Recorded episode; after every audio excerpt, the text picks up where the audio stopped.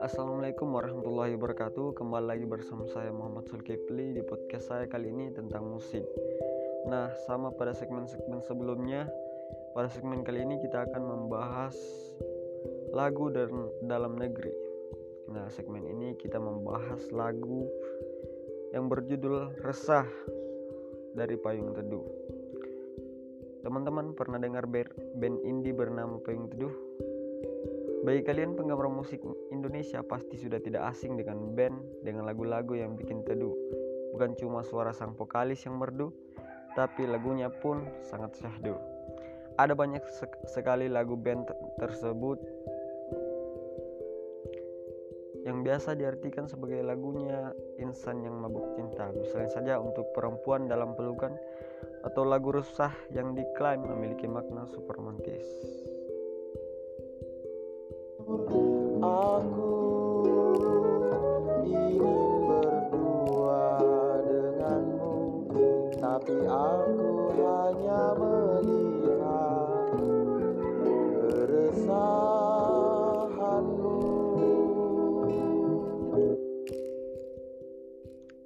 Nah, jika melihat sekilas lirik tadi, tentu saja tak akan ada yang berpikir bahwa makna makna sebenarnya dari lagu tersebut adalah sebuah pesan kematian.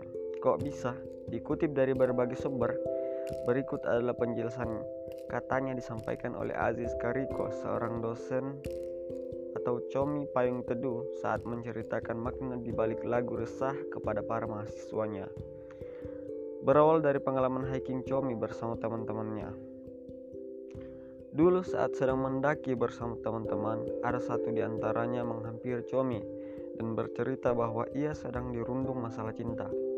Singkat cerita dalam perjalanan, teman tersebut tiba-tiba menghilang entah ke mana. Setelah sekian lama mencari dan tidak menemukan hasil, Comi dan kawan-kawan memutuskan untuk kembali ke pos sembari menunggu temannya yang hilang. Tapi nasib tak nasib baik tak kunjung datang, yang ditunggu tak kunjung pulang. Akhirnya mereka memutuskan untuk mencari lagi hingga menemukan dalam kondisi tergantung diri. Nahas karena ia memilih untuk mengakhiri hidupnya dengan gantung diri di sebuah pohon dan hanya menyisakan catatan puisi yang menjadi cikal bakal penulisan lirik lagu resah. Makna sepenggal lirik aku ingin berjalan bersamamu dalam hujan dan malam gelap. Kata kunci dari lirik ini adalah hujan dan malam gelap. Sebenarnya sih romantis kalau kita tetap ingin bersama dengan kekasih dalam kondisi apa pun. Cuma logikanya begini. Apakah ada yang, ada yang ingin berpergian dengan kekasih dalam kondisi hujan dan malam gelap? Jadi pada lirik pertama ini, Chomi ingin menyampaikan makna bahwa malam gelap adalah konotasi dari dunia lain, bukan dunia yang sedang kita tinggali. Diteruskan dengan, tapi aku tak bisa melihat matamu. Bukankah hal yang lumrah untuk menatap sepasang bola mata kekasih hati tapi ada yang salah dengan lirik lagu ini. Mengapa dia tidak bisa melihat mata kekasihnya? Jawabannya hanya satu. Pasti mereka sedang LDR. Tapi LDR masih bisa diatasi dengan video call. Kalau LDR-nya dengan dunia lain, bagaimana? Sudah pasti kita memang tak pernah bisa melihat mata orang yang sudah mendahului kita ke alam ke alam bersah atau ke alam setelah kematian. Terus kalau lirik ini aku ingin berdua denganmu di antara daun gugur. Pernah dengar lagu Gugur Bunga? Sebuah lagu yang ditujukan untuk mengenang jasa pahlawan yang gugur mendahului kita. Sama halnya dengan lirik ini, gugur dikonotasikan sebagai makna dari wafat.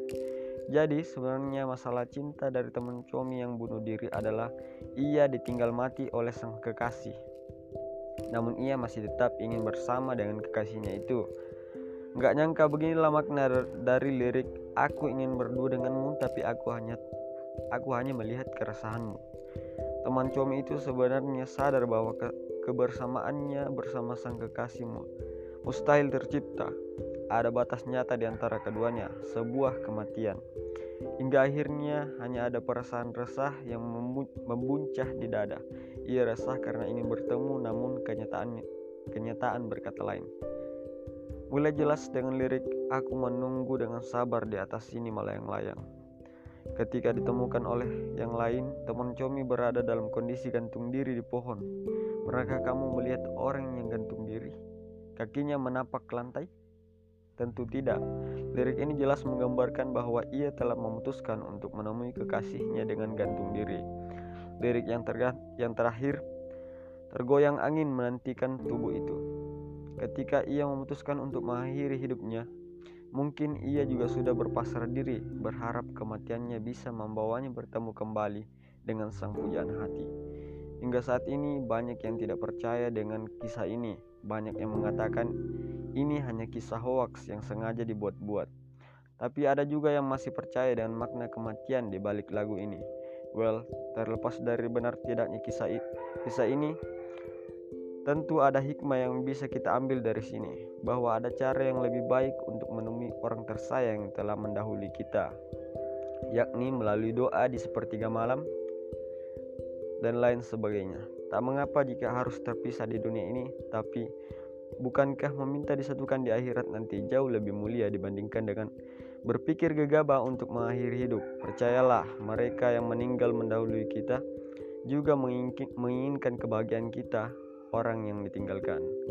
Nah, sekian untuk segmen pada kali ini. Semoga teman-teman eh, terhibur dengan kisah-kisah dari lagu dalam negeri.